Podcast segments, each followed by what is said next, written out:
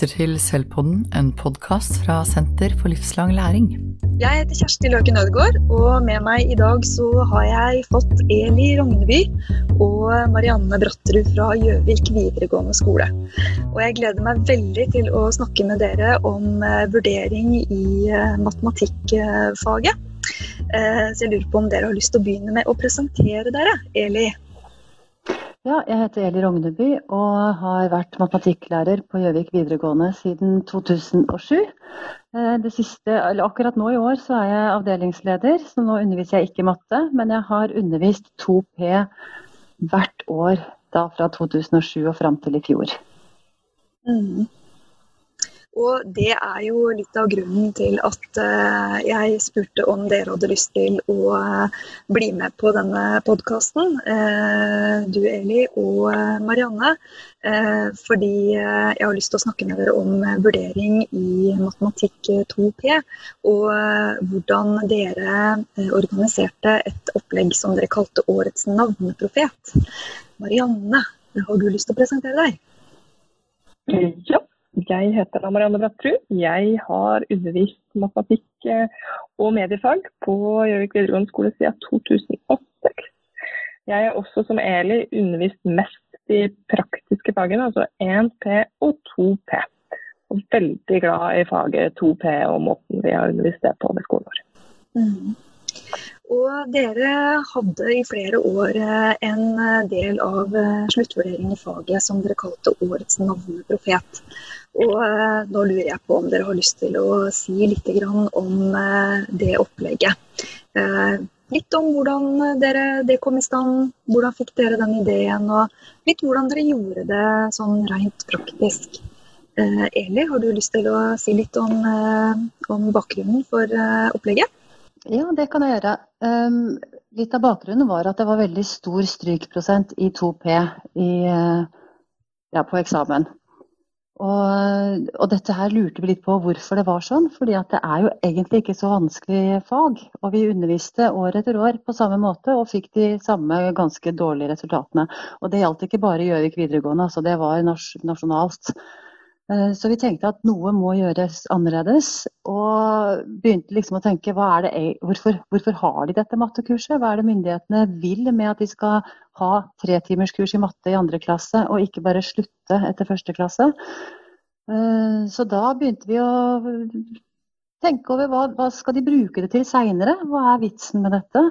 For poenget med at de har matte, er ikke eksamen. Poenget må jo være at de skal bruke det til noe de skal seinere i livet. Så det var på en måte utgangspunktet for at vi begynte å se etter oppgaver og opplegg som kunne trene elevene i det vi trodde kom til å møte dem ute i, ut, etter skole, etter at de er ferdig på videregående skole. Mm. Så ja, Marianne, vil du si mer konkret om Ja, øh, Skolen var jo også um, innstilt på at vi kunne gjøre noe vi kalte for å ploge faget. Dvs. Si at vi kjørte alle timene i mattefaget før jul. Så de hadde eksamen da i faget i november. Eh, for å se om det på en måte kunne også bidra til å få et litt større læringstrykk da, i faget. Og så var vi jo på en måte ute etter å jeg, jeg, mener jo tidlig at vi var ute etter å lære på en måte elevene å kommunisere og anvende mm. matematikken. Mm. Mer enn å bare uh, repetere, repetere og gjøre oppgaver som er klin like hverandre, men at de faktisk bruker det til noe og, og argumenterer rundt de valgene de gjør. Mm. Ja, eh, spennende. Og så er jo spørsmålet hva, hva i all verden var dette her for noe? Årets navneprofet. Hva er det? De var på jakt etter noe, noen oppgaver som elevene kunne jobbe med, eller noe datamateriale de kunne jobbe med, eh, der det ikke fantes et fasitsvar. Og det at det ikke finnes et fasitsvar, var veldig viktig for å på en måte engasjere elevens eh, ja, tro på seg selv da, i møte med kvantitativ informasjon. Og, og, både bearbeide det og presentere det. Og da offentliggjør jo eh, SSB navnestatistikk hvert år. Og det vi gjorde, var at vi presenterte elevene for de navna som lå på topp tre, både gutte- og jentenavn, det året vi var inni. Og så ga vi dem data for de navnene ti år tilbake i tid. Og så fikk de oppgave å komme med en prognose for hvor mange som ville få disse navnene i det året vi da var inne i. Så den statistikken var jo ikke klar enda. Uh, og I og med at vi ploga, så var vi jo ferdig til jul. Så innen dette her, denne mattekurset var omme, så var det heller ingen som visste hva resultatet av denne her undersøkelsen, eller resultatet av statistikken ville være. Så det var å kåre årets navnprofet, og at de skulle komme med prognose og levere inn en rapport som skulle kommunisere bra. Den skulle ha, følge formalkrav til figurtekst, tabelltekst og sånne ting. Uh, den skulle være rett retta vi, vi, var tydelige på hvem den var rettet mot. og Det var ikke rettet mot oss som lærere, men det skulle være en som kommuniserte greit mot folk på deres egen alder. sånn at uh, språket og sånt skulle være tilpassa det. De skulle bruke uh, presis terminologi og riktig ja, nomenklatur. Uh, og så inngikk det i standpunktvurderinga. Og Det var jo greit nok. Men i tillegg så hadde vi jo en kåring av navneprofeten. Og det hadde vi jo først i februar, når denne her statistikken foreligger.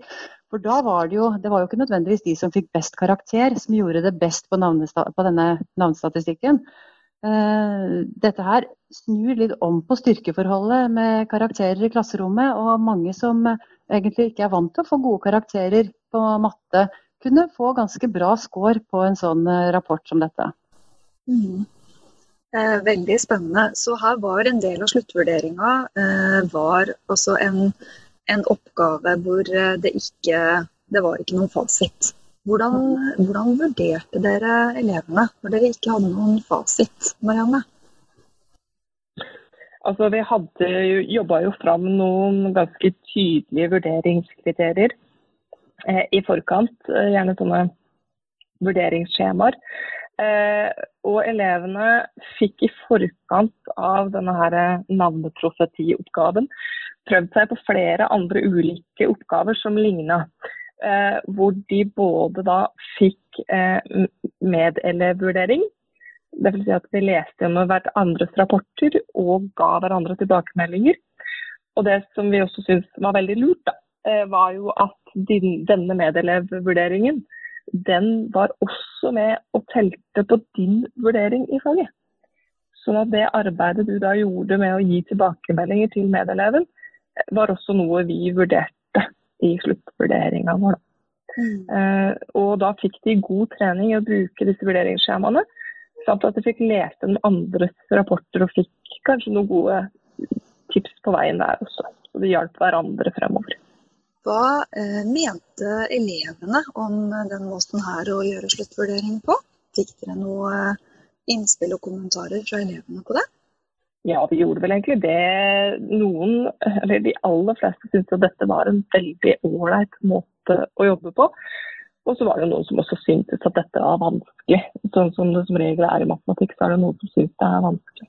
Men stort sett så var det veldig godt fornøyde med denne måten å jobbe på. Og det fordrer jo på en måte at du anvender matematikken på en helt annen måte. Da. Og de får lov til å på en måte argumentere på en annen måte. Som gjør at det er nyttig kunnskap og ferdighet å ha med seg videre i studier på høyere nivå. Mm. Ja, og da har jeg lyst til å gå videre og spørre dere litt eh, rundt dette med vurdering og bruk av åpne oppgaver. Eh, og også litt nå med tanke på, på nye, nye, læreplaner i fag. selv om ny læreplan i faget 2P ikke kjøres i gang dette skoleåret. så lurer jeg litt på hva hva tenkte dere egentlig rundt dette med vurdering når dere satte i gang da, en del av sluttvurdering som, som eh, er en, en, åpen, autentisk oppgave, hvor eh, fasiten ikke kommer før eh, elevene er, er ferdig med faget? Eli, kan du si ja. litt mer om det som du nevnte i stad? Ja, vi tenkte jo vi tenkte at når vi bruker tid på dette i timen, så må det også gjenspeiles i standpunktkarakter. Eh, og det var viktig for oss at vi skilte, var veldig nøye med å skille på hva som er eh, vurderingsarbeid som teller på standpunkt, og hva som er vurderingsarbeid som ikke teller på standpunkt. Så vi hadde flere sånne ja, småoppgaver og litt større oppgaver som de måtte skrive og levere inn og få tilbakemelding på før vi satte i gang med den navnestatistikken, eller navneprofetarbeidet. Eh, og så hadde vi bestemt da, at den skulle telle en viss prosentandel av standpunktkarakter.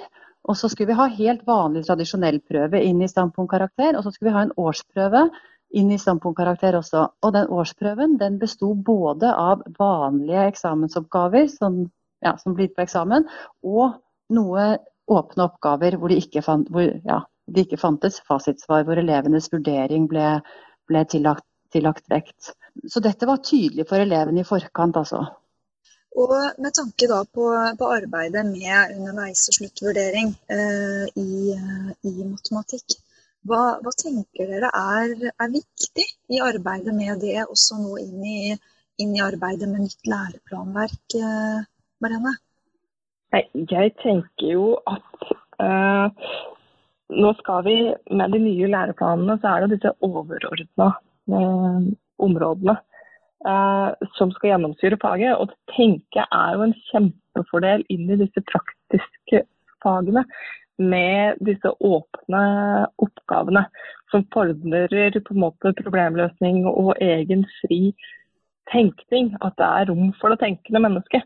Eh, og Eli eh, har jo et veldig godt eksempel fra om Nora og William. Skal du fortelle om det, Eli? Ja, det kan jeg godt gjøre. For dette her, vi starta jo med dette her i 2016. Og da var Nora på topp tre av jentenavn. Og I september så drev vi og jobbet med denne her oppgaven, og jeg gikk rundt og hjalp folk. Og så var det en elev som egentlig hadde signalisert at hun ikke var noe glad i matte, ikke var noe sterk i matte. Og hun ble satt der bare liksom tafatt og så på, på tallene sine. Og så, for Ifølge normal regresjon da, så ville Nora kommet ut omtrent likt i 2016 som i 2015. Og så spurte jeg henne hvorfor hun ikke da Da hadde hun vel en prognose, da. Så sa hun at ja, men det, ikke, det blir ikke sånn, vet du, pga. skam. Eh, det kommer til å bli mye høyere. Og det det endte med at denne jenta gjorde, det var at hun gikk tilbake til så på tall fra 20 2003 og 2005, for i 2004 ble Ingrid Alexandra født, så så hun på hvor mye Alexandra økte i popularitet fra 2003 til 2005. Og så tok hun samme prosenten og la på Nora i 2016, og dermed kom hun med, eller 2015, og dermed fikk hun et tall for, eh, for 2016. da. Og det, og det, var veldig spot on. Og det som er saken der, det er at ikke en mattelærer på Gjøvik videregående hadde klart å komme med en så presis prognose, tør jeg påstå, som denne eleven klarte. Eh, og det er nettopp fordi at de får anledning til å bruke mer av seg inn i mattefaget enn kun den stringente formalkompetansen som kanskje undervises tradisjonelt sett. Har dere noen eksempler på andre tilsvarende oppgaver eller lignende som eh, dere har prøvd ut, eller eh, som dere tenker kan være mulig å gi i matematikk?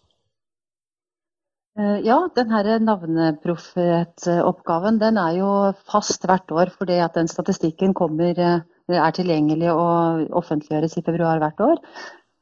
Men eh, vi har også for fire år siden så hadde vi presidentvalget i USA, hvor elevene fikk valgdagsmålinger i 15 uker eh, i forkant av valget. Og så skulle de komme med en prognose for hvem som eh, gikk av med seieren der. Eh, og i likhet med alle andre profeter, så tippet samtlige at det var eh, som, nei, at det var Clinton som kom til å gå av med seieren. Eh, og i ettertid, når vi vet på en måte hvor stor usikker det var knyttet til de valgdagsmålingene, så må vi jo si at elevene gjorde det veldig bra. Så det er én oppgave som også kan på en måte gjenbrukes. En annen oppgave det er, den var faktisk fra i høst, hvor de fikk influensadata fra Folkehelseinstituttet og skulle komme med en prognose for når influensatoppen kommer i 2020. Eh, den var det jo ingen som uh, traff rett på. Men uh, jeg tror at alle som hadde 2P i fjor, var mye bedre rustet til å få med seg disse pressekonferansene som, som ble holdt utover koronaperioden, nettopp fordi at de hadde vært borti den type problemstilling og sykdomsutvikling tidligere. Mm. Og så Marianne, du husker kanskje mm. noen andre? Ja, eh, jeg husker jo at vi gjorde en ganske stor russeundersøkelse.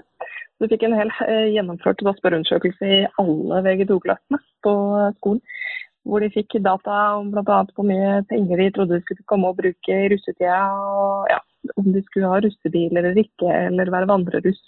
Fikk et kjempestort datasett med russedata som de da skulle bearbeide og finne fornuftig eh, informasjon ut av.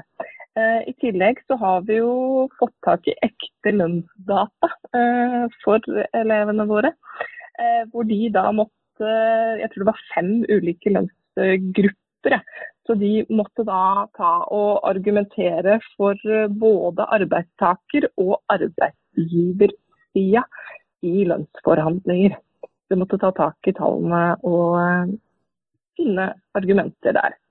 Eh, har ikke du også, eh, Eli, regna på når mannen skulle falle? Jo, vi regna på når faller mannen. Og den Det var en veldig vanskelig, vanskelig oppgave og vanskelig å finne data.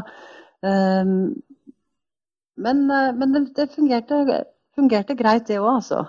Så Det er det som kanskje er den store jobben i dette. Det er å finne gode data og, og presentere dem på en måte hvor de er klare for elevene uten at de er for overprosesserte, på en måte. Og Derfor veldig kjekt med disse her oppgavene som, som er årlige. F.eks. influensadata er jo det. Eh, en annen statistikk. Og, og, valg kan det også gjøres mer rundt, altså. Mm. Og russ er det hvert år, og ja. lønnsforhandlinger er noe som i hvert fall er relevant med tanke på framtidig arbeidsliv og, og karriere. Mm. Mm. Ja. Eh, spennende oppgaver dere presenterer. Og hva tenker dere er verdien altså for elevene av å jobbe med denne typen oppgaver? Både som del av underveis- og sluttvurdering og som en del av læring i faget. Med tanke på eh, livet etter skolen, som de jo begynner å nærme seg når de går i VG2. Jeg tror, og det er signaler fra elevene også, at de, for det første så blir de stolt av noe de har gjort i matte. Og mange av dem har aldri opplevd stolthet i matte før. Uh, og jeg tror også at de blir mer selvstendige og tør, og, og tør å tenke at deres vurderinger og deres synspunkt teller når det er snakk om å, å si noe om, uh, om tallmaterialet. Mm. Mm. Jeg tror veldig mye er frykt i mattefaget. Og at man er så redd for om det er riktig eller gærent. Men her så er det jo liksom ikke noe riktig eller gærent. Sånn at enhver, uh, ethvert argument kan være et godt argument, på en måte. Uh, og det er klart det er jo noe som er litt mer sannsynlig enn annet. Men, men, jeg tenker at de får i hvert fall vist, og de, de tar valg med utgangspunkt i deres virkelighetsforståelse og hva de kan om både tall, tall og virkeligheten ellers. Mm. Vi får med hele seg inn i faget. Ja, nettopp. Og, og hvilke, hvilke, situasjoner eh, kan du se for deg, Marianne, hvor eh, elevene får nytte og bruk for dette her i, eh, i framtida, når de er ferdige på skolen? Nei, altså Vi har jo snakka litt om Vi har jo valgt å dele faget opp veldig. Det er jo ulike fagområder. Men vi har jo fokusert altså, veldig på hva vi tenker er nyttig viktig. Og jeg tenker at uansett hva du skal videre i livet, hva du skal studere videre, disse, alle disse elevene skal ha studiekompetanse, så vil du jo få bruk for dette når du skal inn og skrive oppgaver, når du skal lese figurer, du skal skrive en bacheloroppgave eh, hvor du må argumentere for valg du tar underveis. da. Eh, og Det trenger ikke nødvendigvis være direkte matterelatert, men bare det å få satt inn figurene riktig, tabellene presentert på en god måte, overskrifter som kommuniserer det du ønsker. At du tenker på hvem du kommuniserer til. Eh, alle de tingene er kjempeviktige. Ja. Jeg, jeg, hører et, et, opplegg her som dere har jobba med med tanke på sluttvurdering, men også øving underveis eh, for at elevene skal lære sånn som matematisk argumentasjon f.eks. Eh, og jeg lurer litt på Ser dere noen muligheter for å anvende de prinsippene som dere har lagt til grunn her, med å tenke hva, hva er det elevene kan få bruk for uh, seinere. Uh, vi kan gi en, en sluttvurderingsoppgave hvor, hvor, det kommer en fasit på et eller annet tidspunkt, men hvor vi kan vurdere ut ifra andre kriterier enn enn om det på en måte er uh, riktig eller, eller, feil svar. Uh, er det noe av dette som har noe overføringsverdi, kan, kan brukes i andre fag, tenker dere? Ja, jeg tror helt sikkert det er det. Jeg tror matte på en måte er i en særstilling fordi at veldig, veldig, mye undervises tradisjonelt med tavleundervisning og oppgaveregning og eksamensoppgaver som på en måte det man eksponeres for som på en måte de vanskeligste oppgavene. Men den der grunnleggende tankegangen, hva har elevene bruk for? At, at man løfter blikket opp og ser litt bortafor eksamen. For veldig, i veldig stor grad så preger eksamen skole, planlegging av skole eller undervisningen. Så hvis man tenker litt videre enn som så, og tenker hva, hva, ja, hva, skal man bruke det til? Men der vil jeg jo tro at et fag sånn som norsk og ja, språkfagene og sånt, det er lettere der og kanskje mer naturlig at man, eh, man, har den tankegangen med seg i utgangspunktet. At det er kanskje matematikkfaget som i størst mulig grad har ja, trengt å tenke litt annerledes. Eh, og jeg vil, vil også på en måte si det, da, at jeg tror kanskje man skulle skilt mer på den praktiske matematikken og den teoretiske matematikken. For den teoretiske matematikken, det, der legger man et grunnlag for videre studier innen realfag, hvor kanskje det anvendbare og praktiske sånn i dagliglivet ikke er så aktuelt. Mens i den praktiske delen så er det nettopp anvend, anvendelse i dagliglivet som er aktør.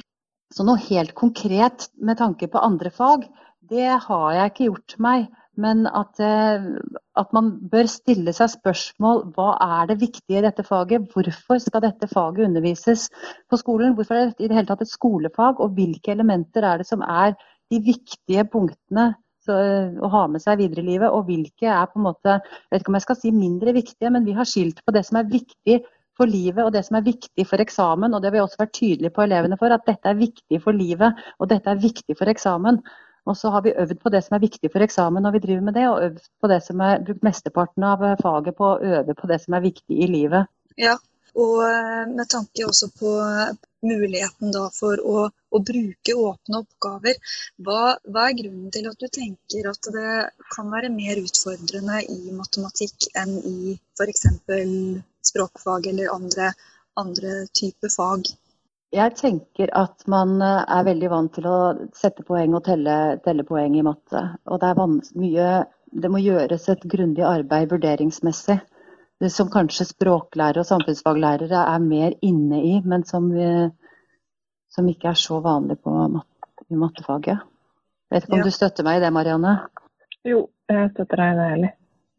Er det, er det, sånn, eller er det behov for å, å se liksom mulighetsrommet i større grad i matematikk? Hva tenker dere om det? Ja, igjen så syns jeg jo kanskje at den, i praktiske matematikken så er det det. Og i den praktiske matematikken så har du kanskje flest elever som øh, føler at de har mislykkes med matte tidligere i skoleløpet. Sånn at øh, det å, å få noen oppgaver hvor hvor de kan være trygge på at deres bidrag teller og har verdi. Det tror jeg er viktig. For det handler nesten om å bygge litt selvfølelse også, dette her. Og i og med at det, på mm. eksamen så er det Så kommer de Altså vi har jo fått mye bedre eksamensresultater etter at vi begynte med dette. Ikke at vi har fått så veldig mye flere seksere og kanskje femmere, men vi har fått mye færre stryk og lave karakterer så tror jeg at, mm. Eh, at, det er en overføring til de helt tradisjonelle matematikkoppgavene også. At du får bygd opp selvtilliten. Ja. Marianne? Og jeg, jeg, tenker, ja, jeg, er helt enig med deg i det. Og, og, for mange så handler liksom om fra at matte er et fag man misliker sterkt, til å tenke at matte er faktisk helt greit. Mm. Og, og, de tenker at sju timer i uka med matte er helt innafor. At de faktisk savner det litt når de er ferdig. Eh, og det tenker jeg må jo være et tegn på at vi har gjort noe som er veldig riktig. Når de tenker at sju timer matte i uka var veldig fint. Og så er jeg ikke helt enig med deg, Eli, at uh, snittet, for snittet har jo gått opp. Snittet har jo gått opp, ja. Uh, ja, det har det. Så vi som skole har jo skåra høyt på statistikken når det kommer til eksamenskarakterer, når man sammenligner hele landet også. Så jeg tenker at det vil på en måte ha ført til en større forståelse i faget ved at man anvender det på en helt annen måte. Da. Eh, så det tenker jeg kan jo ha stor overføringsverdi til andre fag, og at man tenker på anvendelsen av stoffet. At man ikke på en måte bare skal uh, reprodusere, men at du faktisk skal anvende det til et formål som er litt større. da. Og det, det høres uh, for meg ut ifra det dere sier nå, som at det er noe av det som har ligget veldig, veldig tett i bakhodet deres i forbindelse med planlegging av, uh, av dette med årets navneprofet. Eh, det har vært mm. utrolig spennende å prate med dere, Marianne og Eli. Og tusen takk for at dere er villige til å dele tankene deres eh, rundt, eh, rundt vurdering i matematikkfaget, og et, et, veldig spennende opplegg for både trening og sluttvurdering, som har eh, fokus, sånn jeg hører det, på, på hva det er elevene får eh, bruk for og kan anvende seinere i livet. Så ønsker dere lykke til videre nå inn i det første året med, med nye læreplaner. Og så snakkes vi helt sikkert igjen. Takk skal dere ha. Takk i like måte. Takk skal du ha.